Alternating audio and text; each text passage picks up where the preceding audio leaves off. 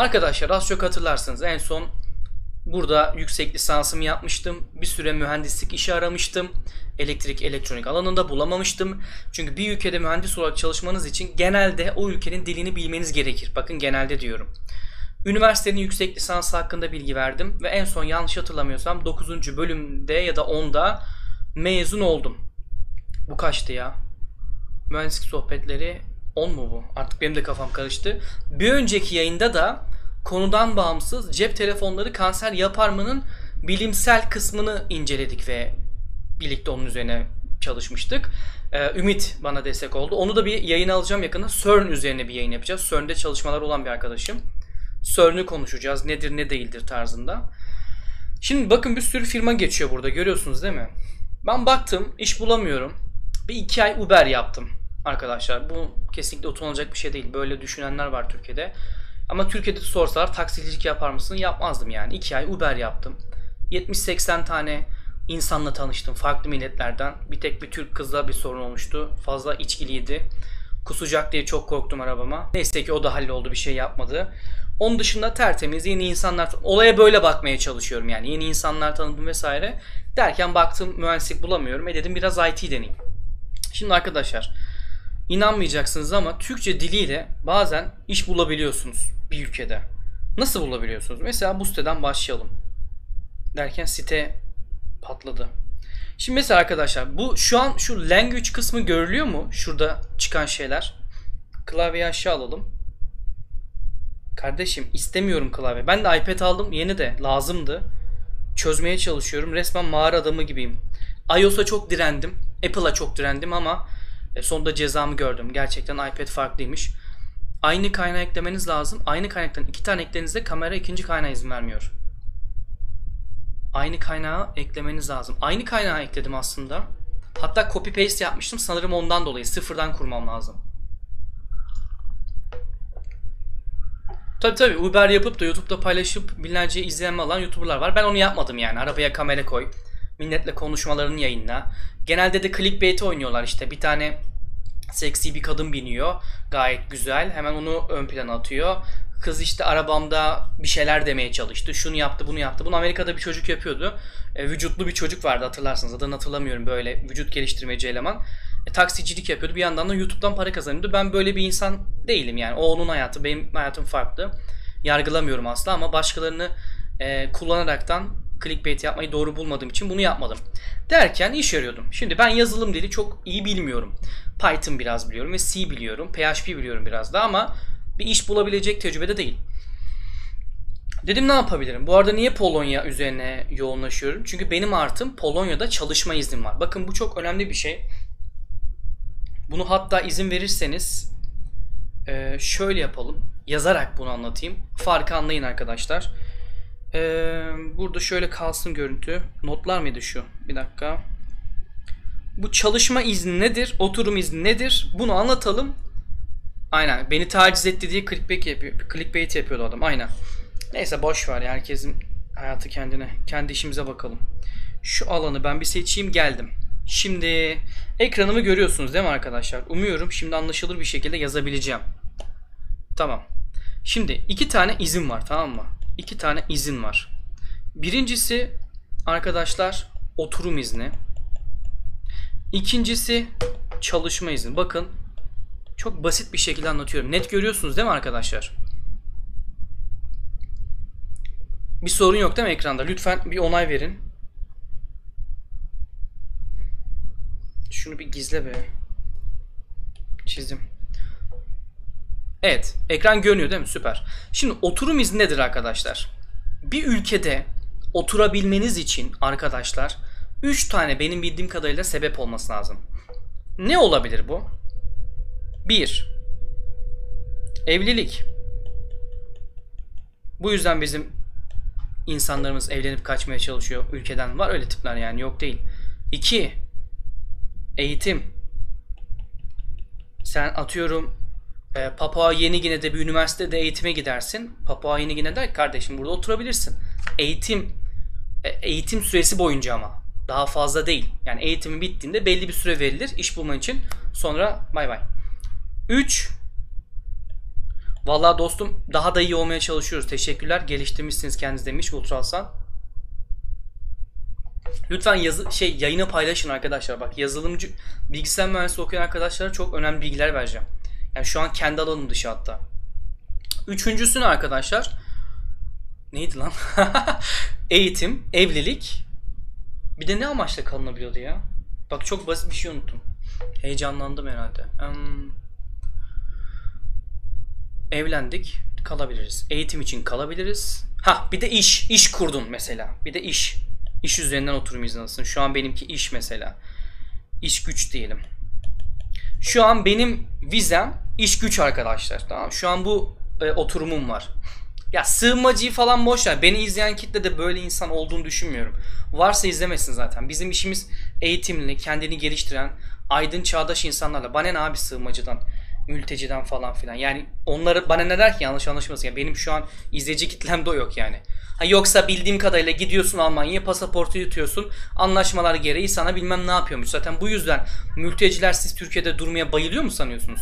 Niye Almanya'ya gitmeye çalışıyorlar? Norveç, Almanya. Onlarda yasa varmış. Mülteci yasası. Türkiye'de bu yok. O yüzden oralar daha iyi. Biz onları düşünmüyoruz. Hı. Gizan Agi, Gizen Agi çok güzel bir noktaya parmak basmışsın. Olay çalışma iznine bitiyor gerçekten doğru. Nedenini anlatacağım. Yoksa aşırı tecrübeli olmadıktan ve şirkete çok faydan dokunacağını onları ikna edemediği sürece çalışma izni olmayan birisi için uğraşmıyorlar. Bitti. Nasıl olsa faydalı sağlayacağım diye çalışma izni olanlardan birisini hızlıca seçip devam ediyorlar. Şimdi ben IT'de iş buldum. Nasıl buldum onu ben de bilmiyorum gerçi. Ama nedenini biliyorum. İşte çalışma izninin artısı. Şöyle bir yapalım bu. Allah ya seni ne yapayım ben ya. Ne güzel bir şey çizecektim. Hayallerimi yıktım be. Şöyle transparan yapalım. Şimdi oturum 1, çalışma izni 2, izinleri ayırdık arkadaşlar. Doğru mudur? Ne dedik? Ee, işte şu var. Evlilik dedik. Klik. Eğitim klik. iş güç klik. Şimdi çalışma iznine geliyoruz. Bakın resmen Mahmut anlatır gibi anlatıyorum. Resmen. Öyle bir konuştuk ki kendimi mülteci sandım. Onur özür dilerim. Yok onu demeye çalışıyordum. İş güç iki ayrılıyor bu arada. Yatırım şirket sponsor. Ha evet yani burada doğru. Bunu da ayırabiliriz. Kendi işin yani yatırımcı diyelim. Yatırımcı. Yazsana. Buraya niye yazmıyorsun? Kalem mi bitti lan? Neyse dur şöyle yapalım. Bunu şöyle ayıralım. Yatırımcı. Bir de şirket. Şirket sponsor. Çok güzel. Sponsor.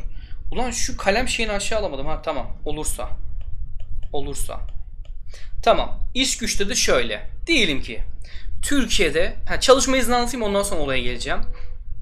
Çalışma izni olunca da oturum izni olmuş olmuyor işte. İkisi birbirinden ayrı. O yüzden böyle ayırdım. Olay bu. Şu şu çok farklı şeyler. Şimdi çalışma izni nedir? Çalışma izni arkadaşlar. Örnek vereyim. Ben elektrik elektrik mühendisiyim. Ama nerede elektrik elektrik mühendisiyim? Dim yani şu an burada okumadığım varsayın. Türkiye'de değil mi? Hey selam Gizilgen hoş geldin. Türkiye'de diyelim ki Gizilgen de e, güzel sanatlar okuyor. Okudu ve bitirdi. Ben de elektrik elektronik okudum. Güzel sanatlarda okuyan Gizilgen, mezun olan Gizilgen gelip bir şirkette elektrik elektronik mühendisi olarak çalışabilir mi? Çalışamaz. Niye? Salak diye değil, aptal diye değil. İstediği programı bilsin. Birincisi yetkinliği yok. O yetkinliği kim sağlıyor? Diploma. O diploma bana ne sağlıyor? Türkiye'de bitirdiğim alanda çalışma izni sağlıyor. Anladınız mı? Yani ha tabii kaçak göçek işleri yine düşünmeyin. Bilmiyorum. Ben her şeyin usulüne uygun olduğunu varsayaraktan devam ediyorum.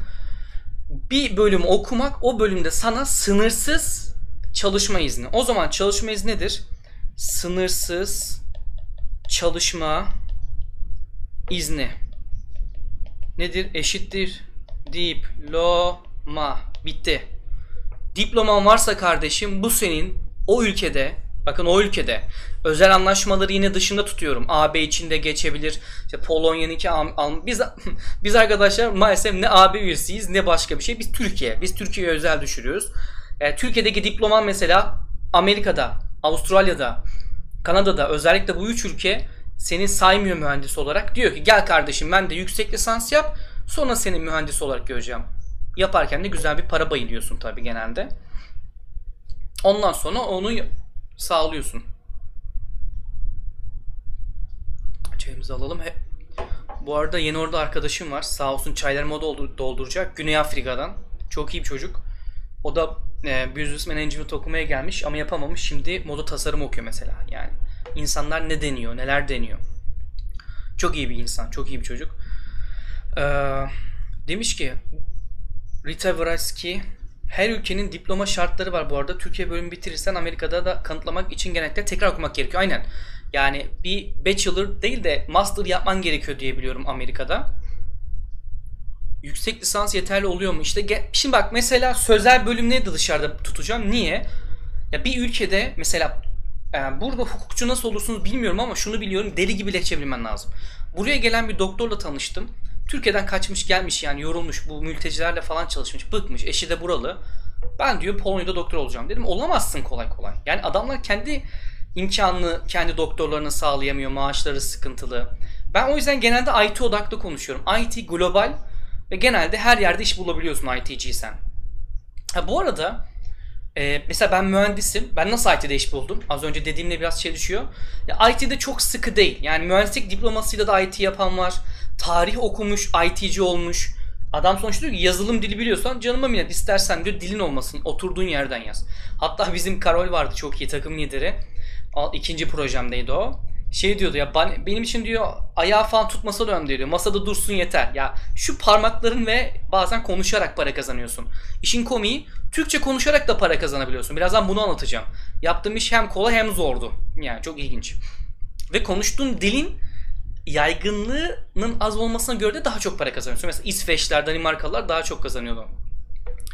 Yüksek lisans evet pes etmek yok. Bazı üniversitelerin mühendislik bölümleri akredite, akredite edilmiş oluyor Burak. O çalışma izni alabiliyor mu direkt? Evet güzel bir soru. Bildiğim kadarıyla alabiliyor ama yani formaliteden mesela şöyle diyeyim. Özüne baksan AB içinde her yer geçiyor. Ama sıkıntı çıkarabiliyorlar. Mesela ben şimdi Fransa'ya veya Hollanda'ya ikisine birden de zaman zaman gidip geleceğim. Sonunda kendi alanında iş buldum. Onu da bir sonraki yayında anlatacağım arkadaşlar.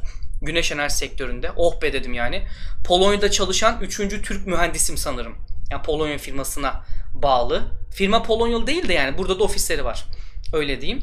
Sanırım üçüncü Türk oldum. Azimle mermerler deliniyor. Bu lafı unutmayın. Gerçekten. Onu anlatacağım. O bir sonraki bölümde mutlaka dinleyin. Nasıl bu işi ayarladım, neler yaptım, neler yaptım aklınız şaşar. Onu da anlatacağım. Şimdi devam ediyorum. Soruları da bir yandan alaraktan. Ee, yüksek lisans yeterli oluyor Bazı üniversitelerin bazı üniversitelerin mühendislik bölümleri tamam bana göre çalışma izni o ülkede çalıştığın için verilen izin. Oturum izni Valla yine mülteci olayına geldik yani. Hayır yani ben şurayı anlatıyorum hocam bak. Oturum izni böyle, çalışma izni böyle. Bunlar ayrı şeyler. Bunu anlatıyorum. Örnek vereyim. Güzel bir fikir geldi aklıma. Türkiye'de e, bir tane Polonyalı bir kadınla tanıştın. Aşık oldunuz. Dünyan değişti. Dedi ki aşkım dedi. Kohanam dedi. Gel dedi. Bro. Kohanam dedi. Gel dedi. Şunu yapınca çayım dolduruyor falan böyle. Sağ olsun anlaştık. Gel Polonya'da yaşayalım. İyi hoş geldin Pol Polonya'ya. Kral çok heyecanlısın. Sana böyle mi anlatayım? Geldi Polonya'ya falan. Ya, heyecanlıyız işte. Seviyoruz yayın yapmayı ya. Bir şeyler katıyoruz. Just be careful. Geldim Polonya. Polonya'da oturabilirsin. Hanımın burada değil mi? Bir sorun yok. Evlenmişsin, kanıtlamışsın.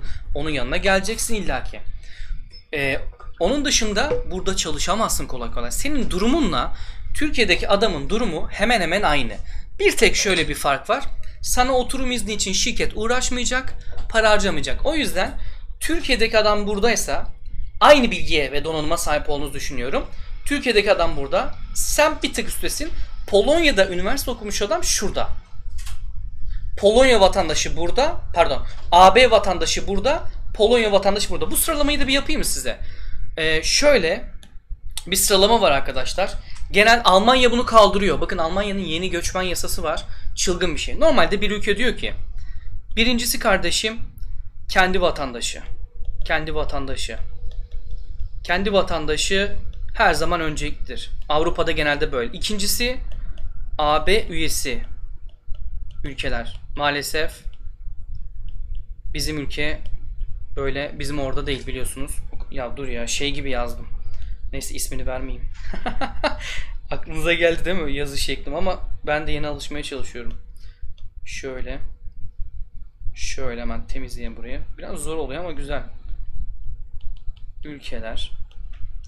Üçüncüsü de non-UA dedikleri AB üyesi olmayan. Ahanda Türkiye burada.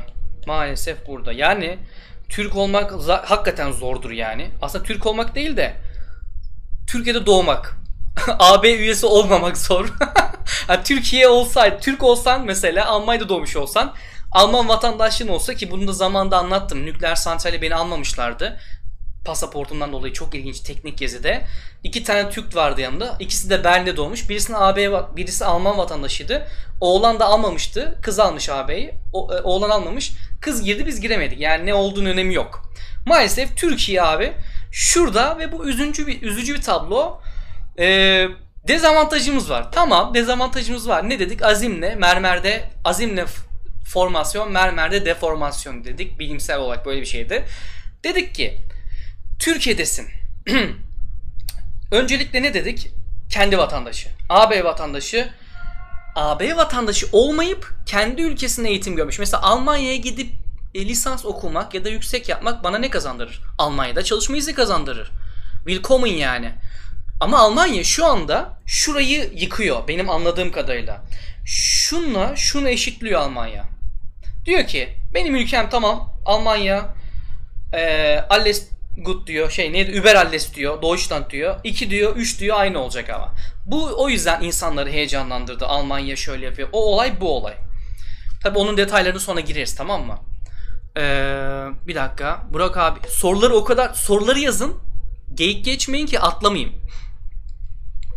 Akreditasyon dediğim gibi bazen formaliteden öteye gitmeyebiliyor. Türk Alman'da çalışma şansı veriyordu. Olabilir. Burak abi IT ile neden Yıldız'ın barışmadı? Sana göre olmayan... Abi bir kere benim alanım değil. İkincisi sürekli ofisteyim ve sabitim ve kendimi geliştirdiğimi hissetmedim. Şimdi işime geleceğim yaptığım işe. Şirket adı vermeyeceğim elbette. Gizlilik gereği. Um, yap ağam keyfi nasıl istiyorsa. Şimdi demiş ki Gizem Agi iki farklı şey. Şöyle bir iş bularak sponsor şirket anlatacağım anlatacağım anlatacağım. Evet. Ben yine okuyayım da işten diyor sponsor olarak şirket sayesinde çalışma izni aldığını varsayalım. İşten her ne olursa olsun işten ayrıldığında acilen başka bir iş bulamazsan şutlarlar. Oturum izni o ülkede ikamet etmeye devam edebilirsin mesela. Değil işte. Anlatacağım onu. Burada bir küçük nüans var onu anlatacağım. Şimdi öncelikle yaptığım iş neydi? Onu söyleyeyim. IT analistlik diye geçen çok da zor olmayan bir işti. Buraya geri döneceğiz arkadaşlar. Benim şu sabit görüntümü alın siz. Ne yaptım abi? Bu siteye girdim. Career in Poland diye. Bakın bir sürü site var. Bir sürü işte şey bir sürü e, işveren var. HMI, HMI'yi boş verin. Şu Fujitsu, HCL, Haikainen, ben HCL'de çalışıyordum. Ikea, e, işte bir sürü şirket var. MC Kinsey, şu bir ara olay oldu ya Türkiye'de. Hatırlıyor musunuz? Furkan merhaba. Vallahi güzel olurdu ya. Furkan'la da yeni yapmıştık. Umarım sen de en kısa zamanda gelirsin. MC Kinsey, Shell'in burada güzel operasyonları var. Mesela bir örnek vereyim. Türkiye'de operasyon yapan büyük firmalar, e, 3M çok güzel firma. PG var burada, Philips var. E, Accenture var mesela. Çok Türk var orada çalışan. Artık olay şu olmuş arkadaşlar. Mümkün mertebe fiziken e, yarınını göremedikleri ülkeye girmiyorlar arkadaşlar. Maalesef bu istikrar bu yüzden önemli. Rusya, Türkiye gibi ülkeleri uzaktan IT support yapıyorlar. Ve benim yaptığım işin de adı IT analistlik dediğimiz IT support'tu. Bazı firmalara bu ismi veremeyiz. Gidip onlara şey yapıyordunuz. Adını siz getirin. Ee, uzaktan destek veriyorsun. Yani Türkiye'de değilsin. Uzaktan e, onlara yardımcı oluyorsun. Buraya geliyorsun abi. Mesela hatta deneyelim. Türkçe diliyle şu anda iş var mı? Bakın Arabik, Marabik, e, Fransızca, Hibru, İtalyanca bunlar dil işleri. Yani o ülkeye girmedikleri için o ülkeden adam getirmek de masraflı olduğu için bakın şu anda 3 tane firma Türkçe pozisyon veriyor. Bak Türkçe dilinde. Bakalım mı? Accenture mesela. Çok arkadaşım var burada. Bakalım. Bakın SharePoint Office Developer. Mesela bak. E, Senior Logistics Scheduler e, German Speaker bak. 10 numara. Lojistik. Burada gerçi Türkçe olduğunu göremedik ama nerede yazıyorsa. Ha şunlar herhalde. Bak French'le var mesela. Çok fazla Fransızca bilen var. Adam atlıyor Fransa'dan geliyor burada diliyle para kazanıyor Rusça. Bunlar hep bakın arkadaşlar dil işleri. Ben developerlığı ayrı kenara koyuyorum. IT developerları. En güzel para onda var. En güzel kariyer, kariyer onda var. Ondan sonracıma şeyi bir ayrı kenara koyuyorum. Kendi yaptığım işi. Bir dakika. Şöyle bakayım. Bir bildirim var mı? Ee, benimki ne oldu? Mülakat yaptık falan filan. Normalde ben bir firmaya girecektim. Çok heyecanlıyım. Amazon oldu olacak diyordum ama Amazon da işleri benzer. Yani Gdansk'ta ofisleri var. İşte Türkiye operasyonlarına bakıyorlar. Buradan yönetiliyor. Düşünün yani. Ee, başka firmaya girdim. Olumlu geçti. Yaptığım iş IT analistikti. Yani customer service gibi değil ama çok böyle yazılımla işin yok. Ama bilgisayar bilgisi olması lazım. Buna hakim olman lazım. Yani ben açıkçası anneme babamı yaptığım şeyleri, bedava arkadaşlarımı yaptığım şeyleri para kazandım bu işten. Ee, çok şükür bilgisayarımı aldım, telefonumu aldım, geçimimi sağladım ama böyle bir ileri gitme yoktu yani. İleri kendini götüremediğimi hissediyordum ve o süreç içinde hep mutsuzdum. Zaten akademik hayat kesin istiyorum doktora ama ekonomik sebepler var. Şu an içime sinem doktora da denk gelmedi ama e, en azından beni hayatta tutan para kazanabileceğim bir mesleğim oldu. Yani meslek demeyeyim de bir işim oldu. Geçici. Genelde böyle oluyor. E, gelecekte görmedim. Benim yaptığım işi bir kenara bırakalım. Ee, ne anlatabilirim? Buralardan arkadaşlar başvurabilirsiniz. Mesela neresi var başka? OLX bakın bu site OLX diyorum ya. Neydi bu? E, Praza, pra, Prajio. Prajio şey demek arkadaşlar. Ee, iş demek. Prajupeyle sanırım şöyleydi. Buranın kariyer.net'i gibi. Ha, Prasya. Prasya iş demek. Buranın kariyer.net'i gibi. Bakın şuna eminim. Şunu söyleyebilirim. Mesela Türkiye'den benim bu yaptığım işe başvursaydınız %99.9 almazlardı. Niye? Burada okuyan bir sürü belki yüzlerce Türk öğrenci var. Çok zor bir iş değil. Önceliği bu adam olur. Niye? Seni buraya getirmek için sana çalışma izni sağlaması lazım Türkiye'deysen. Yaklaşık bilmiyorum 3000-5000 euro tutuyor diyorlar. Bir firma sana bunu sağlamaz. Üstüne oturum için başvuru yapması lazım. O da ayrı bir şey. Avukatları var. O hızlı yaptırıyor o işlemleri. Sen masrafsın. Ama ve lakin. Gerçekten burada e, Türkiye'den getirilen e, IT'ciler de var. Tanıştım birçoğuyla. Çok iyi firmalarda. Turkcell, Vodafone falan filan böyle yerlerde çalışmış. Bunlar genelde C Sharp developer ya da Python developer, frontend bu tarzda developerlar. Türkiye'de kendini kanıtlamış bir yerlere gelmiş.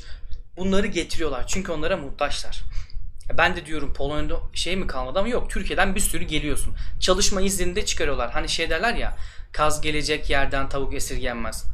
Olay tamamen öyle arkadaşlar. O adamlara bunu yapıyorlar ama bu tarz işte customer service, IT support, accounting bunlarda uğraşmazlar. Zaten buradan adam bulabilirler. Abi makine mühendisi mesleğinin evrim geçirmesi sence artık bir anlam kalmadığını artık bir anlam kalmadığını anlamına gelmez mi? Çünkü evrimi daha çok IT sektörü. Yani işte makinacıysan mesela e, sadece makine bilgisi değil. Üstüne bir yazılımla birleştirebilirsin. Yani zaten PLC falan hep yıllardır var ama ne bileyim e, veri bilimi güzel olabilir. Bak mesela data aranızda varsa veri bilimci lütfen beni yeşillendirsin. Mesela gelecekte ben kendi mesleğimin de çok gideceğini düşünmüyorum ama data science uğraşıyorum.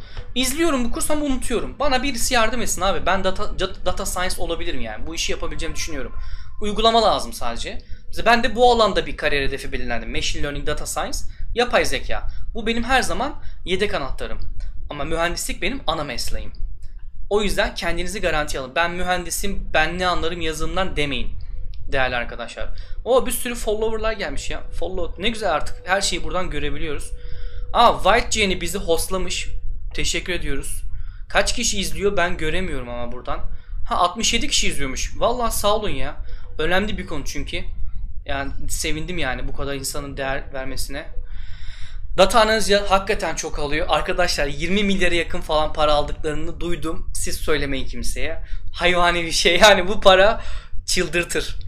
Yani gerçekten 20 milyar alsam herhalde şu an nerede olurdum ya? Şu an yine bu yayını yapardım. Ben bu yayınları para için yapmadım biliyorsunuz. Seviyorum sizleri. Praju, Prasyu sen nereden biliyorsun bakayım? Prasyu şeklinde telaffuz ediliyor. Bayağı kullanılıyordu galiba Polonya'da. Aynen. Ya buranın dili zor zaten ya. Benim çok iyi değil lehçem. Nie rozumiem po polsku bu kadar. Ee, data analizler çok alıyor. Oracle falan biliyorsun aynen. Mesela serverda, server güvenliği. Ben bir adamla tanıştım. Kaan abi. Çok iyi bir adam. Onunla yayın yaparız belki şu an Almanya'da. Adam lise mezunu ama ne öğrenmiş? Bu SAP programını öğrenmiş. SAP var ya. Oradan server'a yönelmiş. Kendi kendine öğrenmiş, iş bulmuş Türkiye'de. Ve Türkiye'den sonra Japonya'ya gitmiş. Japonya'da çalışmış. Polonya'ya geldi. Burada IBM'deydi sanırım. Buradan e, Almanya'ya gitti. Ya düşünsene.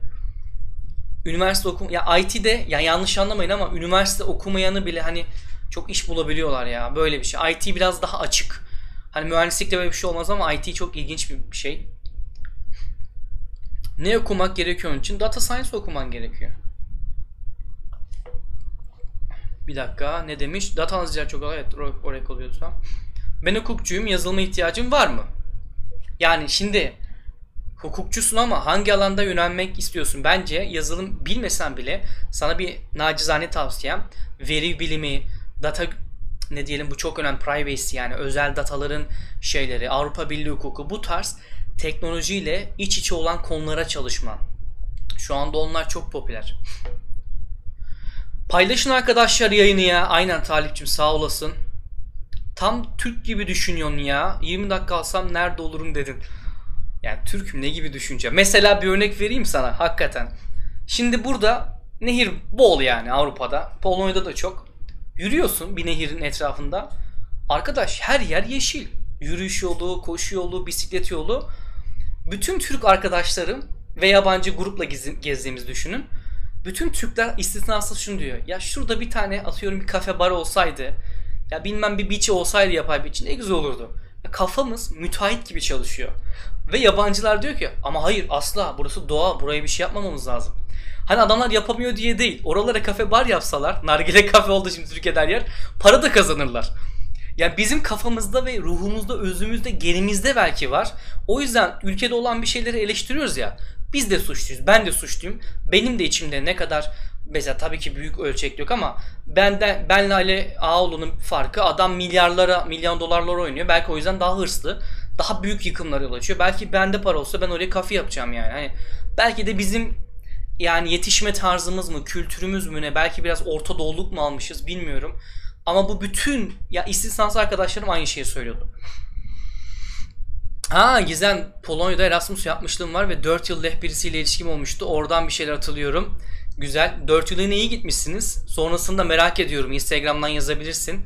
Soruların olursa yardımcı olurum. Burak Çanke 07. Le erkeklerini bana sorun falan. Benim burada Türk arkadaşlar da var. Onlar da ya artık şey yani çok fazla ilişkiler iç içe.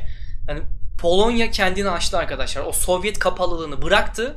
Eski Kuzey Kore kafasını düşün eskiden. Tatile gideceksin. Devlet diyor ki dışarı çıkmanıza gerek yok. Tatil yerini biz siz ayarladık. Nazilerde de aynı. Onların da tatilleri var. Buranın da aynı. Çok farklı yok ama şimdi açıldı. Çok fazla Türk var. Onların ilişkileri oldu. Hepimizin yani Polonyalarla ilişkileri oldu. Bu güzel bir şey. Ülkemizi iyi temsil etmek zorundayız. Bilişim hukuku da değerli gelecekti. Aynen öyle. Kişisel verilerin konulması.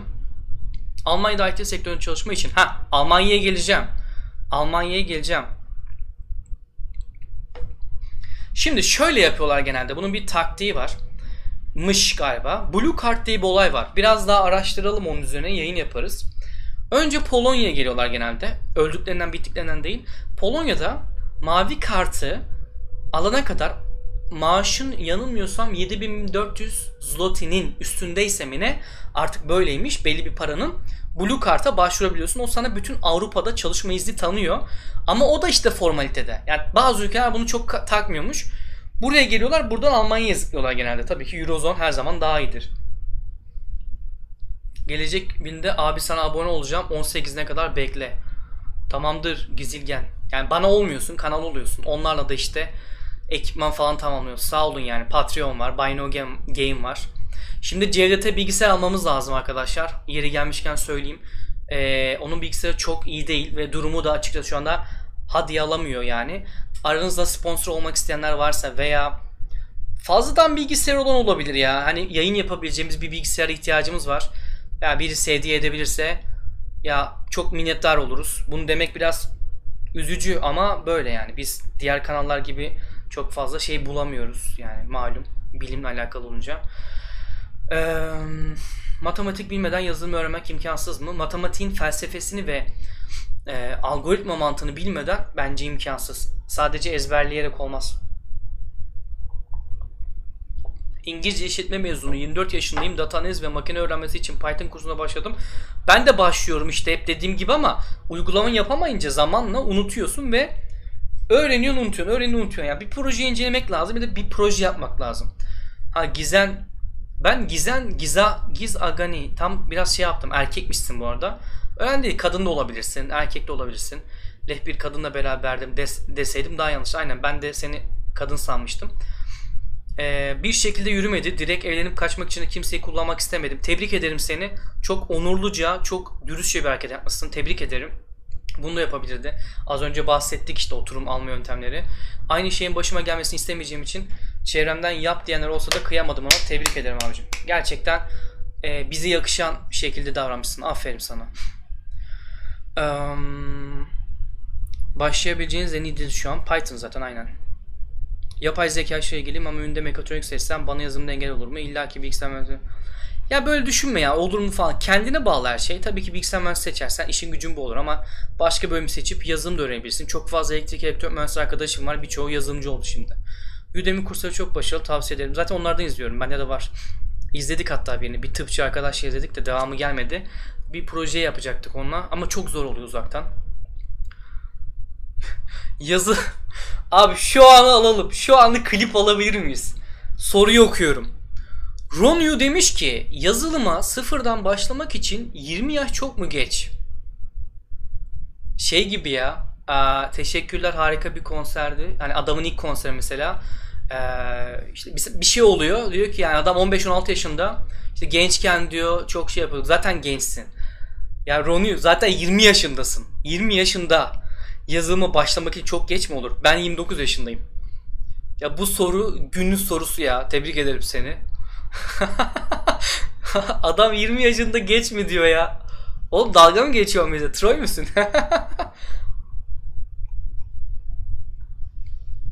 Nasıl bir yayın oldu bu? Yurt dışında çalışmak için yayın yapıyoruz. Yurt dışında çalışıp maddi yetersizlikten dolayı bilgisayar alamamak. Bence hiç geçe gitmeye gerek yok yurt dışına. Dot Cafe şöyle söyleyeyim. Cevdet'in durumuyla benim durum farklı. Ben burada IT'de çalıştığım için mesela şu an mühendis olarak IT'den daha az maaş alıyorum ve kolay değil. Ve Cevdet e, başka şeyleri de belki parası para biriktiriyordur. Hani biz burada zaten zenginiz çok iyi demiyoruz ama Türkiye'den birçok şartta daha iyi yaşıyorsun. En azından etik ahlak daha iyi. Mesleki ahlak daha iyi. İnsanlar yaptığın işe değer veriyor. Stresi daha az. Ben öldüğümden bittiğimden yaşamıyorum ama e, kendi paramla bunları alabiliyorum. Yani umar senin çok paran çok herhalde. Buyur bir tane al bize fazladan. yani olay demiyoruz ki biz burada para var. Bak ben hiç para konuşmadım. Bir tek dedim ki yazılım geliştiriciysen hakikaten büyük paralar alırsın. Onun dışında stabil kendini idare edersin ama etin alası 7-8 zloty. Gidip sen e, e, bir kilo et alabiliyorsun buna yani. Anladın mı? Hayat standartları daha iyi oluyor o zaman. Aynı parayla. Ben de 20 yaşındayım ama 30 gibi hissediyorum. İstanbul yordu beni. Yani ben de 25 gibi hissediyorum. 29-30'da merdiven dayanık. Selam köfte hoş geldin. Mühendislik denildiğinde ek dil olarak Almanca %100 ama Çince de olabilir. İspanyolca da güzel mesela. İspanyolcam olsa İspanya'da okurdum. Güneşlen sektörü iyi orada fena değil. Tabi olabilir şansın. Asla hayır diyemem. E-ticaret hakkında düşünüyorsunuz dropping tarzı. Yapmadım yapanlar var bilmiyorum. Eğer yapmak istediğin oysa 40 yaşına da başlanır. Aynen öyle. Araştırırsan dünyada bunun örnekleri çok fazla var. Elon Musk 12 yaşında oyun kodlayıp satınca 20 yaşına geç gelmiş olur. Yani öyle düşünmemek lazım ya. Kendiniz abi niye Elon Musk'la kıyaslıyorsunuz ya? Niye kendini başka bir insana kıyaslıyorsun? Gerek var mı? Hocam vallahi ekonomik dürük çok kısat olduğundan siyasi ve ekonomik sebepten ötürü ülkede Rusça öğrenmek en makul. Arapça da iyi bir dil bakın bu konuda. Şaka demiyorum. Arapça da güzel. Dubai, Katar iyi fırsatlar sunuyor ve dolar kazanıyorlar. Ha ben gider miyim gitmem. Benim sektör de var orada ama Yaşın kaçta 25 hissediyorsun? Yaşım 29 Onurcan. Merhaba şu bu yeni tekrarının videosunu tutabilir misiniz? Tabii ki Tahir'cim tekrar ediyorum. Kanalımıza abone olanlara bir tık öncelik veriyoruz. Yayını hemen izleyebilirsiniz. Abone değilseniz kanalımıza bir hafta sonra YouTube'da Gelecek Bilim'de kanalında ve Spotify'da Gelecek Bilim'de Spotify kanalımızda podcast olarak dinleyebilirsiniz. Ha benimkine geleceğim çalışma izni. Şey çalışma izni sınırsız. Süre yok. Şimdi ona bir gelelim ya. Ee, neredeydi bu? Notes muydu? Böyle miydi? Ha. Şimdi arkadaşlar benim durumum biraz dedim ya farklı. Şöyle aşağı çekeyim bunu. Şimdi benim şeyim hangisi? Ee, iznim hangisi şu anda? Ben okurken arkadaşlar tamam mı? Şöyle örnek vereyim. Ben eğitimdeyken burada yüksek lisans yaparken vizeye başvurdum. Hatta yapılan bir haksızlıktan da bahsedeyim tamam mı? İlk vizem. Birinci vizem. Şöyle yapalım hatta. İlk vizem. Vizeyle oturum izni farkını anlatalım. Eğitim amaçlıydı. Eğitim. Eğitim. 2 yıl master. Master burada 2 yıl. Bana verilen kaç ay biliyor musunuz arkadaşlar? 3 ay vize. Şimdi benim sayemde düzeldi bu ama. Büyükelçiyle konuştum sağ olsun biz dinledi. 3 ay vize verdiler. Aptalca değil mi? Ne oluyor? Bu 3 ay senin bir süren var. Bu 3 ay bitmeden şuralarda hatta en başında oturuma başlıyorsunuz. Oturum orada götünü e, koy da ömür boyu yaşa değil. Oturum uzun vize gibi bir şey. Burada da oturuma başlıyorsunuz. Bu süre bir 9 ayı bulabiliyor. 9 ay sadece karar bekliyorsunuz. Decision. 9 ay karar süresi. Burada sadece Polonya'da yasalsın. Sadece Polonya'da. Yani ülkeden çıkamazsın. Aslında çıkabilirsin. Direkt Türkiye'ye gitmen lazım. Dönersen vize alman lazım. Ama stampın, damgan olursa pasaportunda biliyorlar ki sen şu an bir süreçtesin. Vizeyi kolay veriyorlar. Bu da bir tüyo. Tip hatta. Taktik mi? Tipin Türkçesi neydi? Tüyo değil mi? Ee, bu böyle bir şey. Yani şu 9 ay Almanya'ya gidemezsin. Ha gidersin. Yakalanırsan ban yersin. Bütün Avrupa Birliği'nden. Riske girmeye gerek yok. Ve ben bu sürede işte maalesef ameliyat olmuştum. Türkiye'ye gidememiştim. E, apandis ameliyatı. Bu yüzden burada oldum. Sonra oturum kararı geliyor. Bana geldi bir yıl. E, yine yetmiyor. O, ben ne oldu? Sonra Büyükelçiyle konuştum. Büyükelçim dedim. Burada bir dedim haksızlık var. Bakın Türklere dedim. Burada bir haksızlık var. Şu bölüm tamam herkesin yaptığı. Ama şu bölüm kabul edilemez. 3 ay. Azerbaycanlı kardeşlerimize, Hindistanlı arkadaşlarımıza 2 yıl, gerekirse bazen 1 yıl veriyorlardı burayı. Türklere 3 ay veriyorlardı. Sağ olsun Büyükelçi Dışişleri Bakanımızla konuşmuş. O da meslek mevkidaşıyla konuşmuş. Şu an Polonya eğitime gelirseniz arkadaşlar bu şey çok önemli. E, devletin kanallarını kullanmak. Bir yıl en az iki yıl vize alacaksınız eğitim bitene kadar. Mantıklı onda bu değil mi zaten? Adamın niyetine güvenmiyorsan arada bir kanıt iste yani değil mi? Bu kadar basit. Ne anlatıyordum? Ha. Şimdi ben ne oldu? İkinci vizem ikinci vizem. Yine eğitim üzerinden devam ettim ama bu da e, oturum diyelim hatta. Vizem. Oturum. Bu da iş üzerinden. Bunu bana şirket aldı iş üzerinden direkt arkadaşlar 3 yıl. Ama nasıl 3 yıl? Şimdi bir fark anlatacağım. Bunu yine çok kişi bilmiyor. Burada okuyanla burada okumayanın farkı bu. Örnek veriyorum. Türkiye'de geldin iş buldun. Hemen iş sayfamızı açalım. Şurada ilanlar var. Bakın burada yazıyor. Neler istiyorlar, neler istemiyorlar. Burada sana bir firma geldi. Dedi ki biz sana sponsor olacağız. Gel buraya. Hatta kalacak yerini falan bile ayarlıyorlar ilk başta. Bir iki hafta otelde kalıyorsun. Sodexon, Multisport'un bilmem ne her şeyin oluyor. Güzel bir benefit paketleri var açıkçası. Diyelim ki işe girdin. 1-3 yıllık oturum kartın geldi. Zaten Türkiye'den başvurunca D tipi vize veriyorlar 1 yıl. O çok güzel ona başvurun. Her yere gidip gelebilirsin Avrupa'da. Buradan da oturuma başvuruyorsun 3 yıllık. Bu 3 yıllık oturumun tabii ki 3 yıl değil. Burada bir hile var. Benim 3 yılımla seninki farklı. Niye? Ben burada okuduğum için şöyle. İşten çıktın. Bir ay içinde yeni bir iş bulmazsan bunu deklare etmen lazım. Demen lazım ki Ujont Voyevosky mi ne oluyor? Ujont Voyevosky yani bu yabancılar ofisine diyeceksin ki ben işten çıktım. Onlar sana belli bir süre veriyor. Böyle TikTok gibi geri saymıyor ama yaklaşık bir ay içinde yeni iş buldun buldun. İşten çıktın.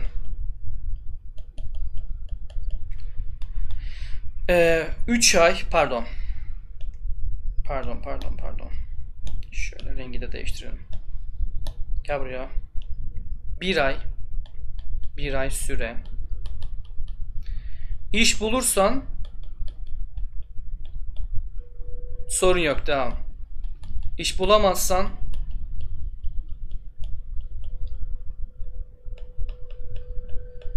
Yallah Türkiye'ye. Olay bu. Ama benim durumumda da benzer. Ben okuldan mezun olduğumda çalışma iznim var. Devlet bana diyor ki bir yıl veriyorum sana Burak. Bir yıl içinde iş buldun buldun. Ben o arada buldum. Bulamasaydım aynısı olacaktı. Kalman için bir sebep yok diyor. Evde değilsin. Okulun bitti. Çalışmıyorsun. Peki. iş bulduk. İkinci bir işi bulduk. Ne yapıyorsun? Bu çok saçma. Türkiye'den gelmişsen tekrar gidip oturum kartına başvuruyorsun. Elindeki bu 3 yıllık hani işin vardı önceden aldın ya o kartı.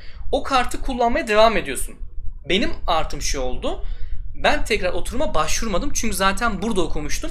Direkt gittim dokümanımı verdim. Yeni işin anlaşmasını verdim. Aynı kartı devam ettirdim. Böyle küçük bir e, pratik yöntem farkı var Türkiye'de okuyan e, Türkiye'den gelenle benim aramda. Japonca bilen arkadaşlar Japonya çok fazla göçmen alıyor. Evet doğru.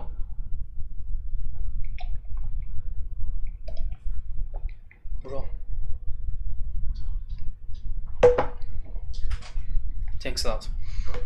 Ee, Japonca bilen arkadaşlar Japonya çok fazla göçmen alıyor sürekli. Özellikle vasıflı insanların gitmesi daha kolay. Vasıfsız işler için de alım yapıyor. Ya ben diyorum çok para için gel geliyorsanız gel burada kebapçı ol, gel burada berber ol. Bir saç kesim arkadaşlar 60-70 lira erkek için. Kadınlar için 200-300 liraya kesiyorlar.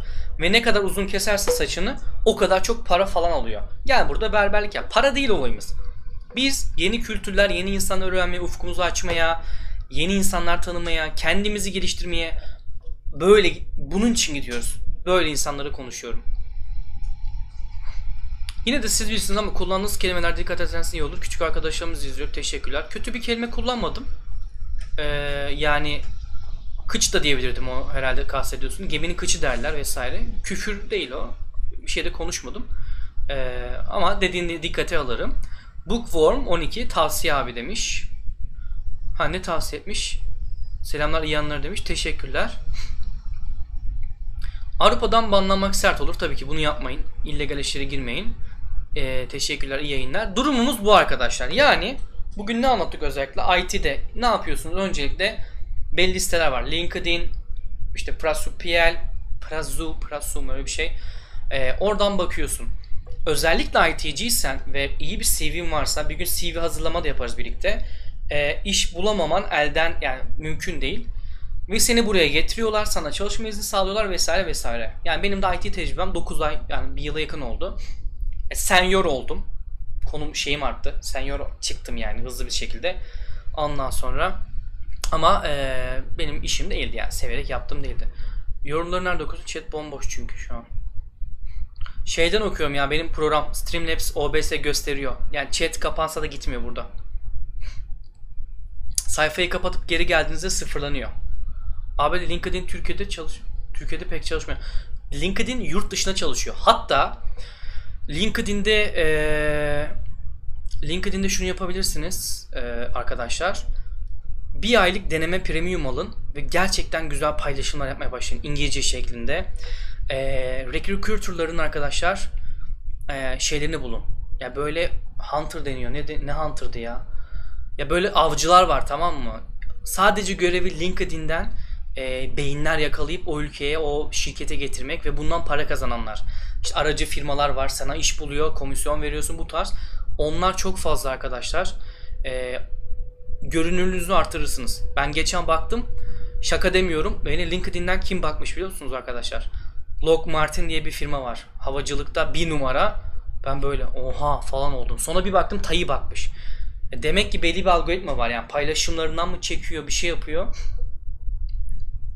Ben bir yemeğe kaçıyorum. Umarım geç kalmam. Birazdan bitireceğiz zaten. Uzatmanın mantığı yok. Bu ilk yayınımdı. Heyecanımı ölü toprağa atmış oldum. Sevdiniz mi? Güzel faydalı oldu mu? Konuklu yayın da yapacağız. Bu pazara konuk alacağım büyük ihtimal arkadaşlar. Lütfen Twitter, Instagram sayfamızı falan takip edin. Oradan duyurular yapıyoruz. Gelecek bilimde. Ee, sektörüne göre düşüyor Türkiye'de. Bir sonraki yayında da şu anki işimle ilgili. Bunu son anlatayım hatta ya. Bu şu anki işime girdiğimi anlatmayayım. Daha bu işteyim şimdi. Hoş olmaz. Sektörün çok gördüğü çok değişiyor. Türkiye'de işte haftada 23 arama, 20-30 aramada görünüyorum. İş aramam iş aramam kanalı olmasına rağmen ee, niye öyle söylüyorsun? Özellikle Almanya bu kadar mühendisliğe ihtiyaç duyduğu zaman da uzak durun diyorsun. Ben mi bir şey dedim anlayamadım ki. Bak güzel. Alpay bildiğim bir konu. Wrocław'da benim okuduğum şehir de oraydı. Yüksek lisansım çok güzel bir şehirdir. Ben Polonya'da bir numara. Gömülü sistem ve AI üzerine yüksek lisans planlıyorum. Eğitim esnasında çalışmak çok ve zor olur mu? Olmaz. Olabilir de. Ekonomik olarak o şekilde karşılayabilirim. Biraz zor olur ama part time zaten öğrenci şeyinde part time çalışabilirsin resmi olarak. Tam zamanlı çalışamazsın. Ee, benim arkadaşım mesela Renewable'dan mezun oldu. Renewable, Renewable. Lan bir türlü telaffuz edemiyorum şunu. Burnumda tıkalı. O mesela iş buldu biliyor musun hemen? Ama niye buldu? Gömülü sistem çalışmaya başladı. Hintli olan yazılım öğrendi hemen. Gömülü sistem şu an çalışıyor. Yine yazılım aslında bir nevi. O yüzden bulabilirsin de iş. Hocam Celal Şengör yeniden ne zaman? Sürekli aynı yüzden niye çıkaralım? Yani niye bunu yapalım? İki kere aldım yayını. Üçüncü de başka zaman. Biraz biriksin. Ya böyle olmuyor hemen sürekli aynı adamlar. Biz daha keşfedilmeye açık insanları almaya çalışıyoruz. İleride yani. Nevi Infinity. Computer Science öğrencisiyim. Baya merak ediyordum bu yayını. Hatırlayıcı kurmuştum telefona. Uyuyakalmışım. Olmaz böyle şans ya. Abone olursan hemen izleyebilirsin dostum. Olmazsan da canın sağ olsun. Haftaya e, YouTube'a düşecek olur mu? Faydalı olduğunu düşünüyorum. Sağ olun. Siz de teşekkür ederim. İlber Hoca ve Asım Şengör ne zaman? Bak yine aynı. İlber Hoca gelmedi. Zaman bulamamış. Konuştuk telefonda. Belki gelir. Asım Şengör'ü not aldık. Onu getireceğiz. Ee, İlber Hoca ile konuştuk. Telefonda konuştuk. Kerem Hoca ile de daha yeni konuştum WhatsApp'tan. Ama orada zaman ayarlayamadık. Merak etmeyin arkadaşlar. Gelecek ya. Herkes alacağız. Hmm, Celal Şengör'ü iki kere aldık. Hem burada aldık hem önceden aldık.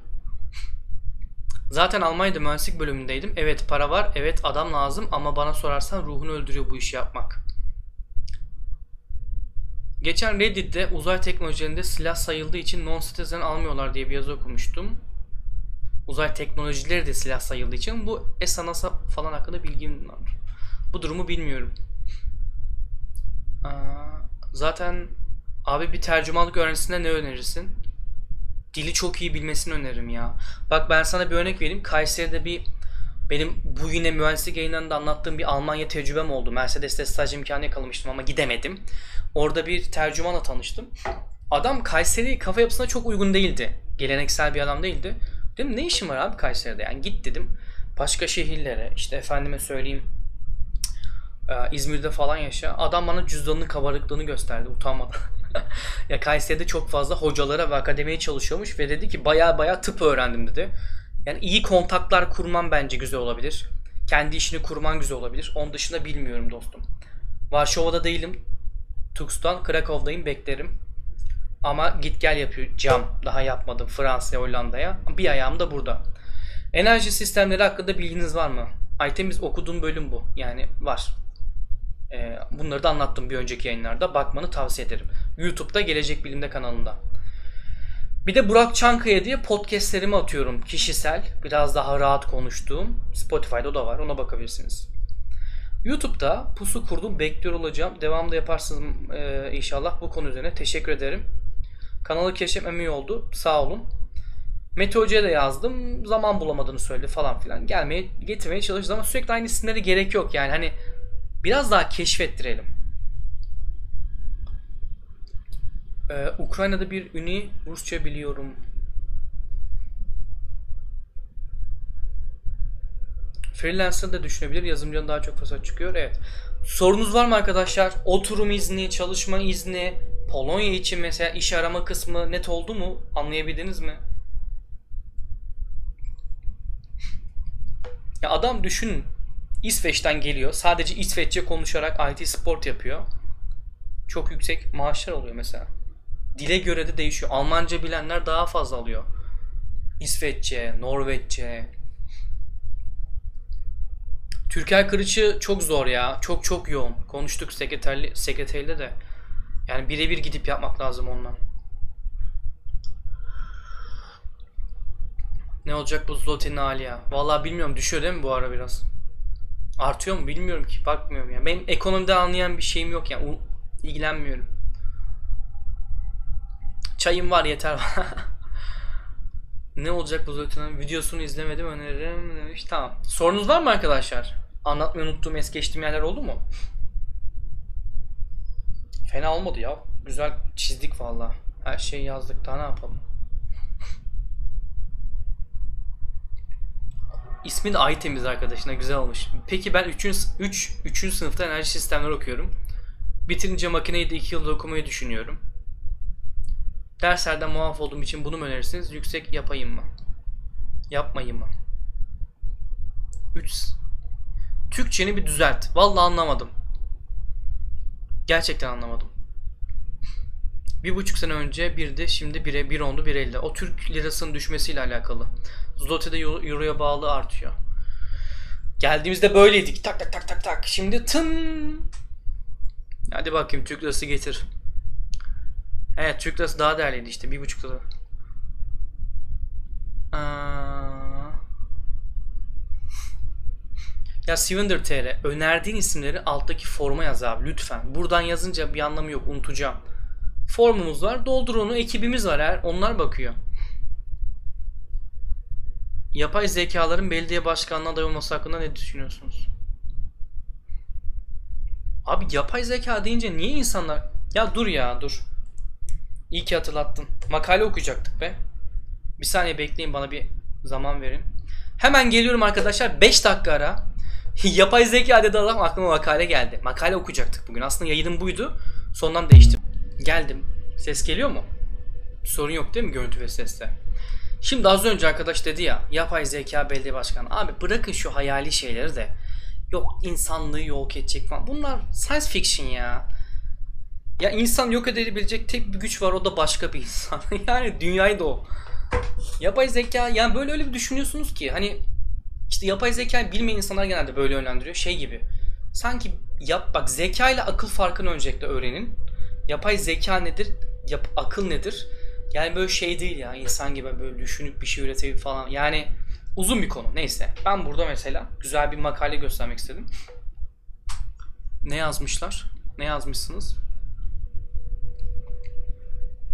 Ee, merakımdan bir şey sormak istiyorum. Zaten harika bir şey bu. Soru sorun diye varız. O da meraktan gelir. Orayı yazmana bile gerek yok. Çekinme. Bizim ülkemize bilgisayar bilimleri değer görmezken onu bilmiyorum öyle mi? Doğruysa şayet. If it's not val- valuable in Turkey. Böyle deyip hemen şeyi kuralım. argümanı. Neden Avrupa ve Amerika'da bu revaçta? Eğer fikriniz varsa duymak isterim. Ya ben de bilmiyorum yani. Türkiye'de niye biliyor musun? Bu biraz kültür ve zihniyetle alakalı. Ya bu hangi hangi iş değer görüyor ki? Öyle düşün. Niye IT'ye ayrıcalık yapsınlar? Hangisi değer görüyor? Adam diyor ki ben 2000 liraya da çalışan Python'cı bulurum, 3'e de bulurum, 5'e de bulurum, 15 bini de bulurum. Maalesef bu biraz bence şununla da alakalı bak. Hem ülkedeki insanların iş ahlaksızlığından hem de bizim haklarımızı savunmayan odalarımızdan. Ben Emo'dan da şikayetçiyim bu Timop Emo. Hiçbir şey yapmıyor. Ne mühendisini kolluyor ne bir şey. Sadece siyaset. Varsa yoksa muhalefet. Ve benden zorla para alıyor. İnanın aylık aidat ödemek zorundasın. Çıkar, çıkamıyorsun ya. Çıkmak çok zor. Mecbur muyum ya? Ben sana bağlı olmak istemiyorum. Ama yok zorla. Ya bunlar gerçekten çok derin konular ama sinirlenebileceğim konular o yüzden girmeyeceğim.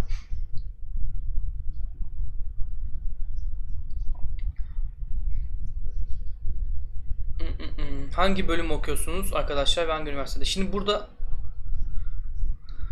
Aa, ne oldu? Kendi bölümdeki hoca değer göstermemesinin saygısı olmayan insanların tek derdi para. O kadar çok kırmızı buton algoritması geçti de veri geçiriyor ki dediğiniz yapay zekaların kötü olma olasılığı yok. Tabi askeri yapay zeka falan tamam. Neyse şimdi arkadaşlar.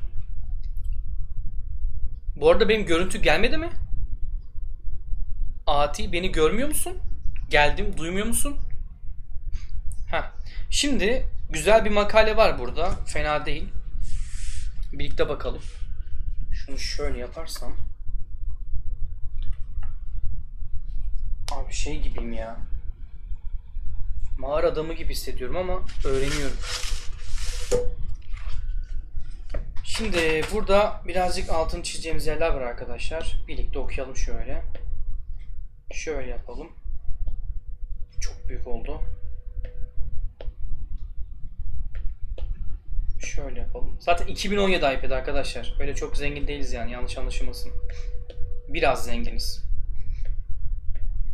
Şimdi değerli arkadaşlar burada neden bahsetmiş? Birazcık makale okuyalım. Şimdi zaten izleyici iyice düşer. Sıkıcı gelir bunlara. Dur bakayım geri gel. Tamam başlıyoruz. Tamam. Şimdi özetle demiş ki teknolojinin gelişmesi insan hayatındaki günlük eşya kullanımını artırmıştır. Bu dünya, bu durum dünya üzerindeki enerji tüketiminde önemli bir artışa sebep olmuştur. Enerji tüketiminin artması enerji sorunu ortaya çıkarmıştır ve bu sorunu aşmak için farklı enerji kaynaklarına yönelimler başlamıştır. Doğru. Fosil kaynakların, yakıtların çevreye zarar vermesi ve tükenebilir olması alternatif enerji kaynaklarına yönelime yol açmıştır. Bunu artık herkes biliyor. Fotovoltaik ışığı ile yapılan bu uygulamaların gerilim elde etme açısından verimli olması oldukça önemli bir konu olarak karşımıza çıkmaktadır. Bu çalışmanın amacı PV hücrelerinin verimliliğini çevresel etkiler göz önüne bulundurularak yapay sinir ağı teknolojisi ile tahmin etmektir. Ondan sonracıma ee, bu tahmin için fotovoltaik hücrelerin gerilim değerlerine karşılık rüzgar hızı, sıcaklık, nem, hücrelerin açısı gibi zaman aralığı boyunca şey, değişen şeyler de bunlar zaten. Verimi etkileyen çevresel birimler. Bunlar inputlarımız arkadaşlar. E, modelleniyor. Burada bir yapay sinir ağı modellemesi yapılıyor. Bu model fotovoltaik hücrenin verimliliğinin değerini yüzdelik olarak yüzdelik olarak iyi ya of Heh, yüzdelik olarak lan bir dur İstemiyoruz seni kalem ha yüzdelik olarak iyi bir şekilde tahmin etmektedir. Ayrıca ağın eğitim, eğitim var zaten yapay zekada. Ee, eğitim ve test işlemlerindeki performans ölçütlerinin oldukça iyi olduğu görülmektedir. Bu durum verim tahmin için modellenmiş olan ağın tahmin yeteneğinin çok yüksek olduğunu göstermektedir. Burada İngilizcesini yapmış. Aynen. Al sana enerji sistemleri mühendisliğiyle bak yazılım ne alaka yani. Python'da da olur. Bu tabi bunu MATLAB'den şey yapıyor burada. Burada işte bilgiler veriyor. Genelde böyle bir introduction yaparlar. Burada ne demiş? Test çalışmaları incelendiğinde 2.3 şurası önemli değerli arkadaşlar. 2.3 kW'lık bir e, elimizde sistem varmış. Tamam. Ondan sonracıma kardeş bunu nasıl ben akıllı bak yapay zeka diyorsun benim parmağımla dokunduğum algılayamıyor kalem çiziyor. Hadi bunu yapsana. Şöyle dursun tamam kalemini kapattık. 2.3 mega e, kilowattlık bir sistemmiş. Küçük bir sistem. İşte yıllık meteoroloji verileri alınıyor. Bakın data bilim böyle veriler geliyor. Meteoroloji sana veri veriyor bir sürü. Bakın. Yapay sinir ağı karmaşık yapılı doğrusal olmayan ilişkileri sahip problemlerin çözümünde kullanılan bir teknik olarak bilinmektedir. Burada iki tane ara katmanlı ve giriş katmanlı ve çıktı katmanlı olan 3 katman mı diyelim buna? 3 katmanlı bir yapı var. Burada işte dışarıdan aldığı şeyler bunlar. Yani az önce söyledi ya atıyorum e, rüzgar, rüzgar, nem, işte açı, bir şey daha demişti. Bunlar hepsi giriş arkadaşlar. Inputlarımız. Ve arada tabii ki ara katmanlarda ağırlık şeyini ayarlıyor. Şuradan bir bakalım bir şey anlatma. Rüzgar hızı, hava sıcaklığı. Hemen şunları şey yapalım. Şöyle. Rüzgarın hızı, hava sıcaklığı, nem durumu, zemin ile yaptığı açı. Açı niye önemli arkadaşlar? Ha bu arada Udemy kursum çıktı ya. Demeyi unuttum başından beri. 38 kişi kalmış. Tüh kaybettik. En başta yapsan tanıtımını. Udemy.com yan çizgi güneş enerjisi yazarsanız güneş enerjisiyle ilgili 3,5 saatlik çok emek harcadım kursum çıktı. Yakında da bir kitap planım var. Ee, enerji sistemi okuyan arkadaşım Aytemiz. Al tavsiye ederim. Pahalı olduğunu biliyorum ama gerçekten çok emek harcadım.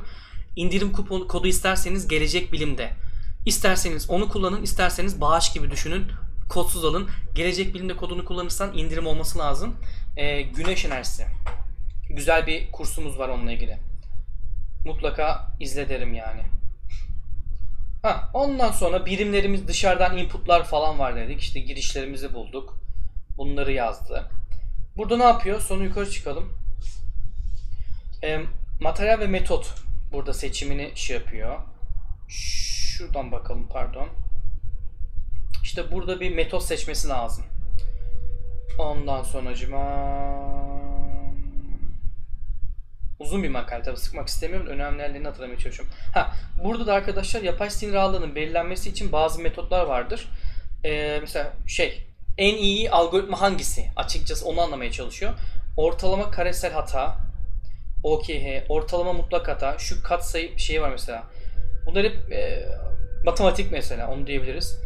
Yani determinasyon katsayısı gibi 3 farklı ölçütten yararlanılmıştır yapay sinir ağının performansı için.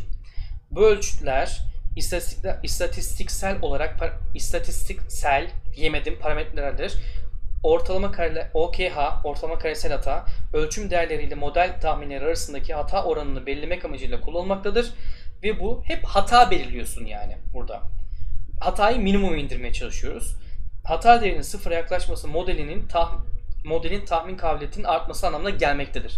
Zaten mantığı bu. Ee, tamam. OHM değeri sıfıra değeri sıfıra belirlenmiştir. Tamam. Buradaki parametrelerin ölçümleri sıcaklık için derece falan bunları vermiş. İşte burada parametrelerimizi yazmış. Girelim vesaire. Şurada görüyorsunuz. Ondan sonucuma standart sapma var tabii ki. Bunlar da önemli. Bunu biliyorsunuzdur standart sapmayı. Ortalama. Veri seti içinden verimlilik değerlerinin belirlenmesi amacıyla gerilim değerleri için bir dönüşüm işlemi yapılmıştır. Dönüşüm işlemi volt üzerinden değerler, değerleri üzeri, volt değerleri üzerinden hücrenin ne kadar verimli çalıştığını ifade eden yüzdelik değerler elde edilerek e, yapılmıştır. Bu işlem için verim demiş. V bölü V maksimum çarpı 100 demiş. Doğru. Verim nedir mesela bir sistemde? Mesela 5 giriyor 10 çıkıyor. Böyle bir şey olamaz. Termodinamiğe göre. 5 birim girdi 4 birim çıktı. 4 bölü 5 çarpı 100 yani. 5 girdi 2,5 çıktı %50 verim. %50'si kayıp. Gelecek bilimde diye büyük kod var. Kesinlikle var dostum. Olması lazım. Ama durumu ise valla fena olmaz ya. Direkt al. Genelde öğrencilere veriyordum onları da. Sen de öğrencisin gerçi. Gelecek bilimde diye. İyi yok. Özür dilerim. Devam ediyoruz. Ee, sana bıraktım. Vicdanına bıraktım. Durumuna bıraktım. Hangisi işine girse dostum. Ee, burada bakın formüldeki V maksimum hücrenin üretebildiği maksimum volt değeri ve V herhangi bir kayıt için gerilim değeri ve verim ise volt değerleri üzerinden elde edilmiştir. Edilmiş olan yüzdelik verim değerini göstermektedir. Yüzdelik verim değerleri her bir kayıt için volt değerleri yerine yerleştirmiştir.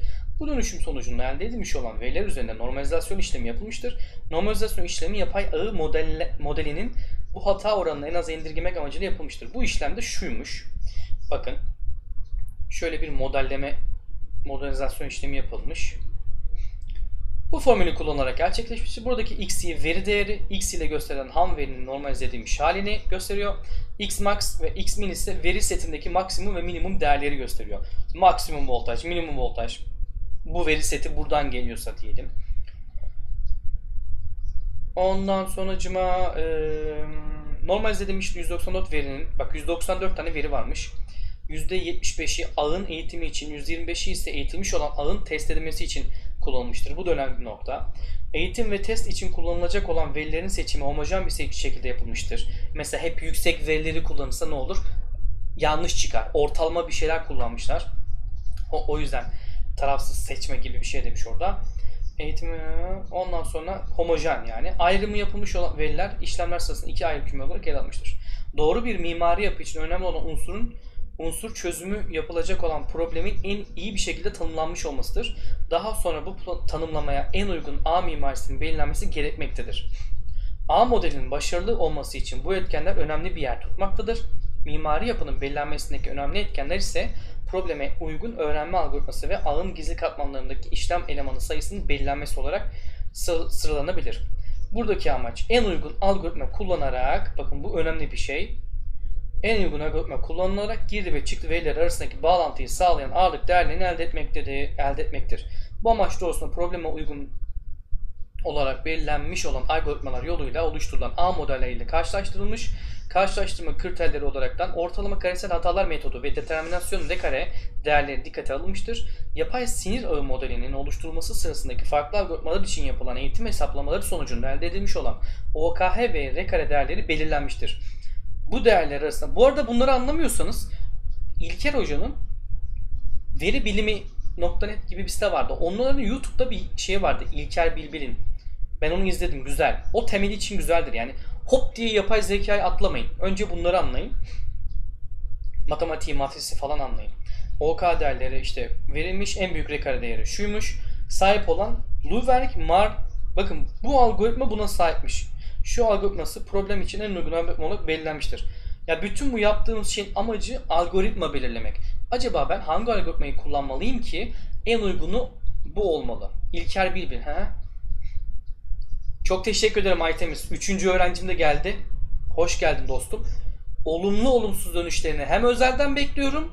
Katkılarını bekliyorum. Eksik gördüğün yerler olursa, anlamadığın yerler olursa sorularını zaten bekliyorum. Daha fazla makale ekleyeceğim. Güncelleyeceğim kursum yakında. Umarım faydası olur ama gerçekten fena olmadı teknik oldu yani. Ayrıca gizli katmandaki işlem elemanı sayısının belirlenmesi amacıyla katmandaki farklı işlem elemanlarının sayısı değerleri için OKH değerleri hesaplanmıştır. O ara katmanlardan bahsediyor. İşlem elemanı sayısının değerlerine göre değişimi şekil 3'te verilmektedir demiş. Mesela işlem elemanı sayısı 2 ise OKH bu. Bakın burada en çok 6 olunca müthiş bir değer almışız. Tamam mı? Ee, burada demiş görüldüğü gibi 3, 5 ve 12 işlem eleman sayısı değerlendirildiğinde lokal minimum e, OKH değerlerinin elde edilmiştir. Fakat bunun arasında bu hata şeyini söylüyor. ile en küçük hata değerine sahip 5 işlem elemanı. Bakın 5 işlem elemanı şurada. Bir dakika. Sıfır, onu ben göremiyorum o kadar detaylı. 0.0002281 ile en küçük hata değerine. O zaman diyor ki elemanlı 5 işlem elemanlı mimari yapının en iyi performans sahip olduğu görmektedir. Niye? Hata minimum olmalı. Hatanın minimum olması için de burada denemeler yapıyor. Ara işlemdeki eleman sayısını belirliyor. Eğitim ve test. Daha sonra ne oluyor? Algoritmamızı belirledik. Hangisini kullanacağız? Ara katman sayısını belirledik. Minimum e, hatası olan. Ve test aşamasına geçiyorsunuz. Training and test demiş.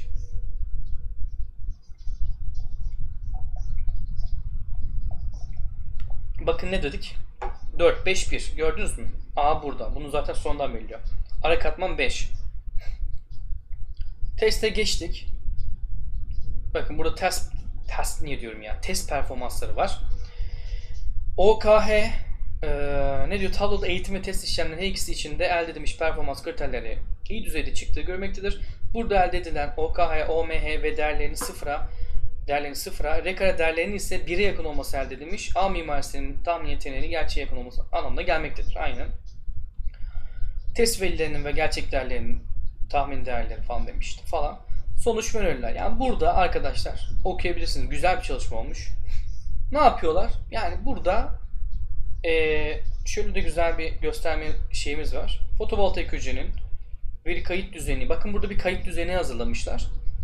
E, sıcaklık sensörü, nem sensörü. Sensör niye? Verileri kaydetmek için. Rüzgar hızı, SD kart modu demiş. Arduino kullanmışlar burada. Servo motorumuz var. Bir. Servo motor daha hassas oluyor genelde. Dönme ile alakalı. Gördüğünüz gibi burada bir akış şey yapmışlar. Güzel bir makale. Okumanızı tavsiye ederim. Şöyle de adı var. Efendime söyleyeyim. Ben yoruldum. Baba kaçar. Var mı sorunuz? Harbiden yoruldum ya. Oy oy oy yoruldum ya. Yeter ya! Vallahi billahi bıktım usandım. Oğlum biz bunları anlattık ya. Biz bunu...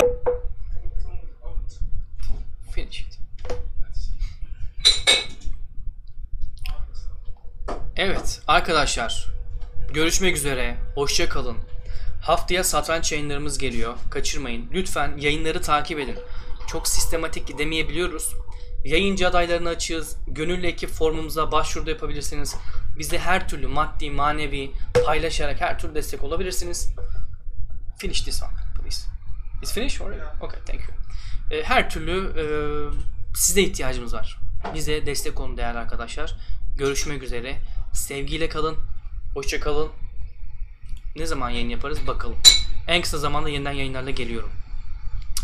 Bir abone olan var mı bu arada? Bakayım ona bir teşekkür ederim. Follow var çok fazla. Evet. Abone gösteriyor mu onu bakayım. Şuradan bir filtre yapalım. Heh. Evet. Bağışları görelim. Takipler, hostlar, bitler, baskılar.